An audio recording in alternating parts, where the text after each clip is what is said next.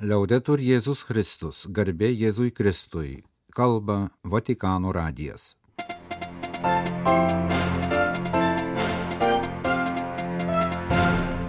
Malonūs klausytojai šioje pirmadienio lapkričio 13 programoje. Popiežiaus audiencijos Lietuvos Seimo pirmininkiai ir mokyklų seserų kongregacijai. Posėdžiavo naujųjų kankinių tikėjimo liudytojų komisija. Klauzūrinės vienuolės sugrįžta į Vatikaną. Austrijos vyskupai susirūpinę ukrainiečių ir armėnų padėtimi. Ukrainos vyskupo mintys apie pastoraciją karo metu. Vatikano muziejuose skulptoriaus Antonijo Kanova paroda. Popiežius Pranciškus pirmadienį, lapkričio 13 dieną, audiencijoje priėmė Lietuvos Respublikos Seimo pirmininkę Viktoriją Čmilytę Nilsen. Po Pranciškaus audiencijos Seimo pirmininkė ir jos lydima delegacija priėmė valstybės sekretorius Pietro Parolinas. Seimo pirmininkė susitikimuose Vatikane lydėjo Rolandas Kačinskas, Seimo pirmininkės patarėjas užsienio politikos klausimais ir Sigita Maslauskaitė Mažylienė Lietuvos ambasadorė prie Šventojo sosto. Lietuvos Seimo pirmininkė Romoje aplankė Lietuvos ambasados prie Šventojo sosto parodą vyskupo ir kankinio Šventojo Juozapato Kuncevičiaus kankinystės 400 metų proga ir dalyvavo Šventojo Juozapato liturgijoje Šventojo Petro bazilikoje. Seimo pirmininkė Viktorija Čmilytė Nilsen popiežiui padovanojo seniausio žinomo Šventojo Juozapato atvaizdo kuris saugojamas Lietuvos mokslo akademijos Vrublevskių bibliotekoje faksimilę. Popiežius Lietuvos Seimo pirmininkai padovanojo bronzinę skulptūrą ir kelis savo mokymo dokumentus, įskaitant apaštališką į paraginimą Laudate Dejum apie klimato kaitos krizę ir žinia 2023 m. pasauliniai taikos dienai. Klausytis. Turim klausytis, ką sako viešpas, ką sako seserys ir broliai. Klausytis kitų tai dorybė, kurią turime ugdyti savo bendruomenėse ir pašvestame gyvenime. Pažymėjo popiežius Pranciškus audiencijoje pirmadienį mokyklos seserų kongregacijos Notre Dame generalinės kapitulos narėms. Popiežius priminė vienuolėms jų steigėjos, palaimintosios Jėzaus Marijos Teresės Gerhardinger tikėjimo liudymą, ragindamas pagal jį dėkoti Dievui už kongregacijos praeities ir dabarties palaiminimą ir semtis įkvėpimo, kuriant kongregacijos ateitį paminėjęs, kad lapkričio 17 dieną minimas palaimintosios liturgijos minėjimas, Pranciškus pažymėjo, kad palaimintoji Jėzaus Marija Teresė ugdė integralią pedagogiką, intelektualinį ugdymą, kartu apimanti dvasiškai atjaučiančių, atsakingų asmenų, kuriems Kristus yra gyvenimo centras, formavimą. Pakvietęs vienuoles sekti steigėjos pėdomis, ugdymo tarnystės ir dvasingumo sferose, Pranciškus priminė, kad palaimintoji vienuolinė kongregacija pagrindė Eucharistiją, susijėjo su neturtu ir pašventė švenčiausiai mergeliai Marijai. Tai svarbu, kongregacija susieta su neturtu. Be tikro neturto nėra pašvestojo gyvenimo, pažymėjo Pranciškus. Neturtas saugoja pašvestą į gyvenimą. Neturtas nėra tik tai dorybė, o sergėtojas. Prašau to neužmiršti, pridūrė Pranciškus.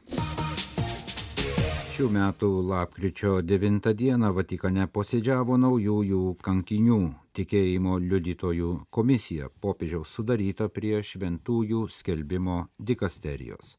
Dikasterija komunikate informavo, kad siekiant įgyvendinti popiežiaus nurodymus komisijai ryšium su 2025 m. jubiliejumi, komisija pirmajame darbų etape kaups duomenis tik apie tuos tikėjimo kankinius ir liudytojus, kurių gyvybė įvairiais būdais buvo nutraukta ar paukota dėl paklusnumo Evangelijai laikotarpyje nuo 2000 metų iki dabar. Komisija jau sudarė pirmąjį daugiau kaip 550 krikščionių sąrašą, kurių mirties aplinkybės, kaip ir tarnystė bažnyčiai ir Dievo tautai, yra dokumentuotos. Komisija nurodė, kad ateityje dalysis naujienomis per kuriamą internetinę svetainę.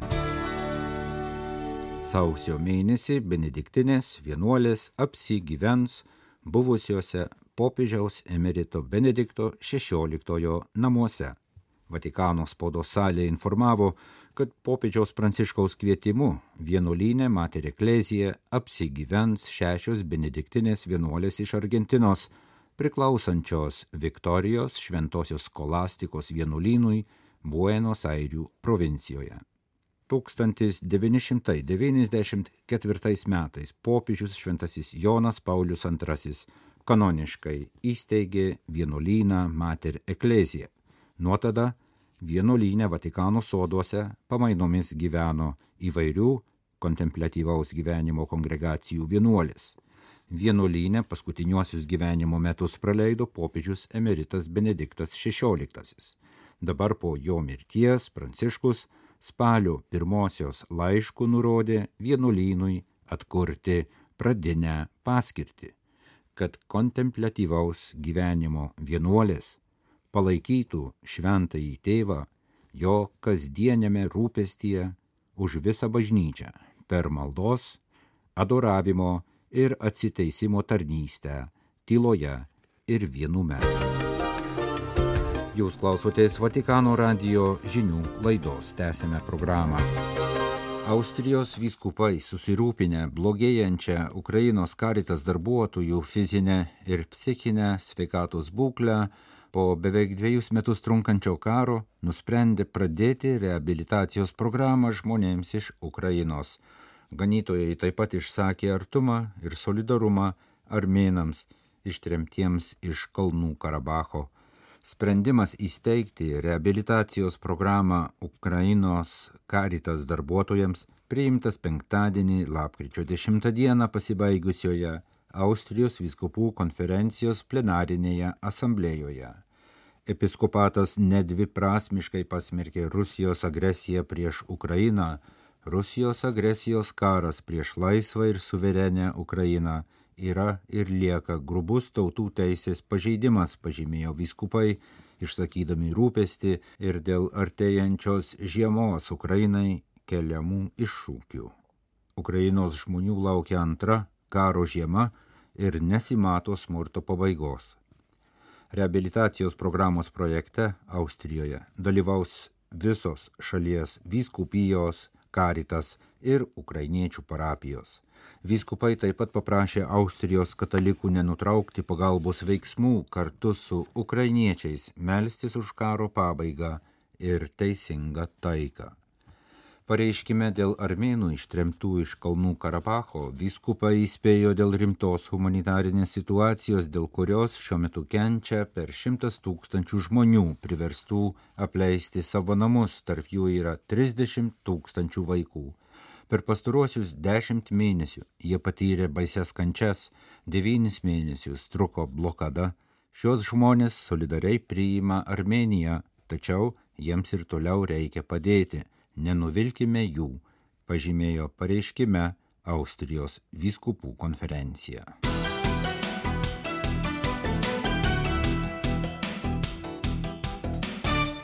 Karas kunigams kelia naujų iššūkių ką pasakyti sūnų laidojančiai motinai, kaip palaikyti šeimą, kaip pasiekti užsidariusių žmogų, kaip pamokslauti per mišes, ką reiškia būti vyskupo karo metu.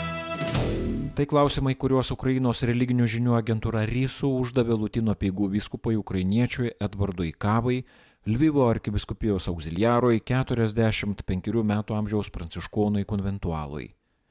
Žinoma, 2022 vasario 24 visiems buvo baisi diena.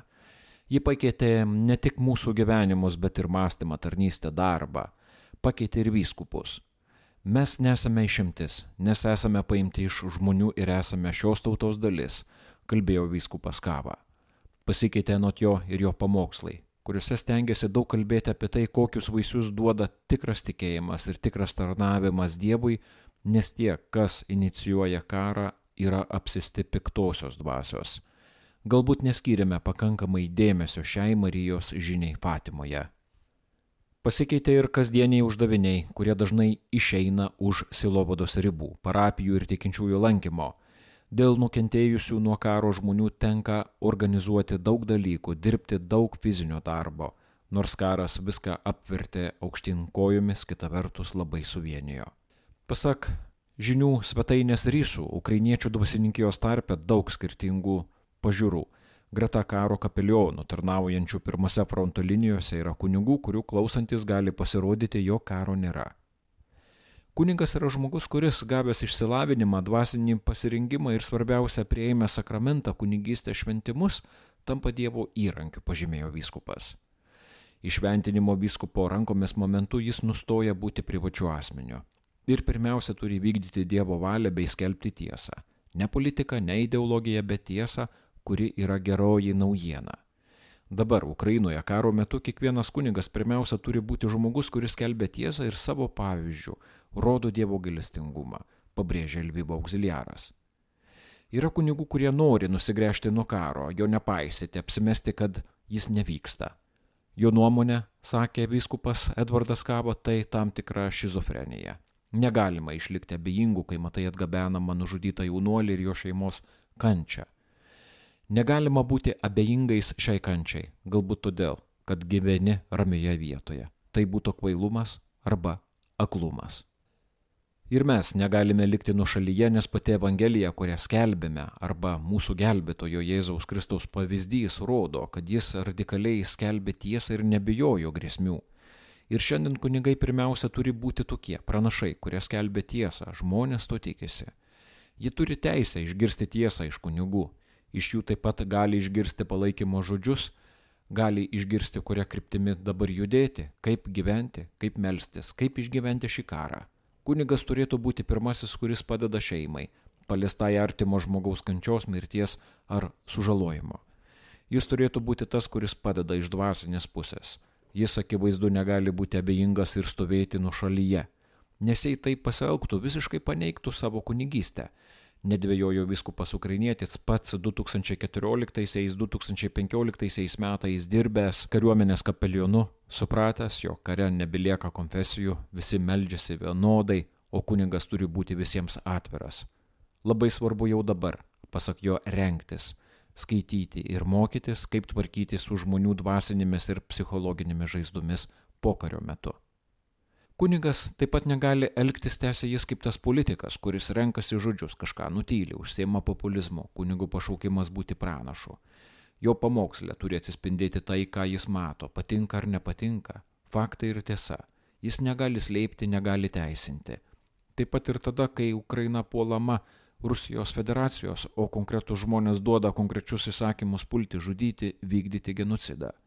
Dievo žodis nurodo būti konkrečiu, tiesmuku kai moko, kad mūsų taip turi būti taip, o mūsų ne, tikrai ne, o ne kažkas per vidurį. Kunigas nulatos turi evangelizuoti savo paties širdį. Jis turi testuoti sąžinę, kad patvirtintų, ar jo kunigystė yra Dievo ir žmonėms skirta tarnystė, ar tarnauja tik jam pačiam, kaltę verčiant išoriai. Jei žmonėms ir Dievui, tuomet jis tikriausiai nepadarys didelių klaidų Tačiau jei nuklystų ir tarnautų tik savo, kunigystė taptų paprastu gyvenimo būdu, nukrypusiu nuo tikrosios tarnystės ir tada jis sulauks papeikimo iš vyskupo, iš žmonių. Kita vertus, tikintieji taip pat turi realistiškai žinoti, jog kunigas yra nuodėmingas ir silpnas žmogus, pakvestas kaip ir jie naudotis šventumo priemonėmis, šventėjimo galimybėmis, pabrėžė vyskupas. Spalio pabaigoje Vatikano muziejus inauguruota skulptoriui Antonijui Kanova skirta paroda, susieta su 200 metų sukaktimi po jo mirties.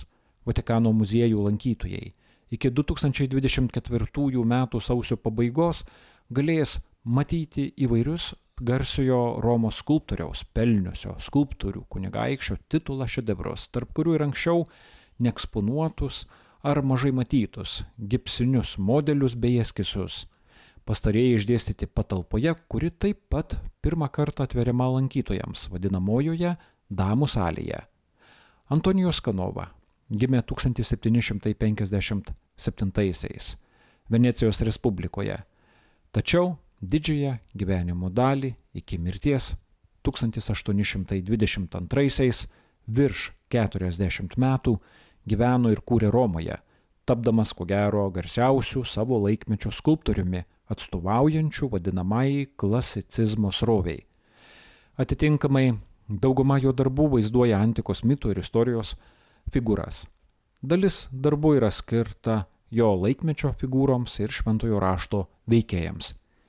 Kaip minėta, dalis mažiau žinomų skulptoriaus darbų eksponuojama Damų salėje, kuri 1608 1609 metais buvo įrengta popiežiaus Pauliaus V pageidavimo. Jos langai žvelgia į dabartinius Vatikano sodus su fontanais įdekuruota vieno iš žinomiausio baroko dailininko Guido Reni. Jo freskose vaizduojamos kelios Naujojo testamento temos - sėkminės, viešpatės atsimainimas ir žengimas į dangų. Tačiau Vatikano muziejuose įrengtoje ekspozicijoje pabrėžiamas dar vienas Kanovos gyvenimo nuopelnas, kuris itin reikšmingas pačiai Vatikano muziejų istorijai. Ne vien skulptoriaus, bet ir organizatoriaus, išvalgaus ir kultūrinį paveldą labai vertinusio mąstytojo talentais apdovanotas menininkas buvo vienas iš svarbiausių veikėjų tame, ką galima pavadinti popiežių kultūros politika, daug metų ėjęs popiežiaus valstybės senienų ir menų generalinio inspektoriaus pareigas. Būtent Antonijus Kanova 1815-aisiais nusileidus Napoleono žvaigždžiai Pijaus VII buvusio Napoleono kalinio buvo pasiūstas į Paryžių, kad sugražintų prancūzų okupacijos metu iš įvairių Italijos miestų, bažnyčių ir kolekcijų, taip pat popiežiaus esą pasiskolintus darbus atiduotus Luvro muziejui Nors pastarojo vadovybė jokiais būdais nenorėjo atiduoti šių darbų, Antonijo Kanovos ryšių, diplomatijos ir tarpininkavimo dėka 1815 spalio 25-ąją 249 darbai užkelti ant 41 vežimo, traukiamų 200 arklių iš Paryžiaus patraukė į įvairius Italijos miestus. Beje, tik pusę iš Antonijo Kanovo sąrašo. Vis dėlto tokiu būdu į Vatikano muziejų sugrįžo tokie antikos šedevrai kaip Belvederio Apolonas ar Laoko Ono ir jo sūnų skulptūrinė grupė Rafaelio tapybos šedevras Atsimainimas, kuriais Vatikano muziejų lankytojai gėrisi ir šiandien. Vatikano muziejai labai skulingi šiai išskirtiniai figūrai ir todėl norėjome ją paminėti. Antonijo Kanovai skirtą ekspoziciją pristatė dabartinė Vatikano muziejų direktorė Barbara Džata.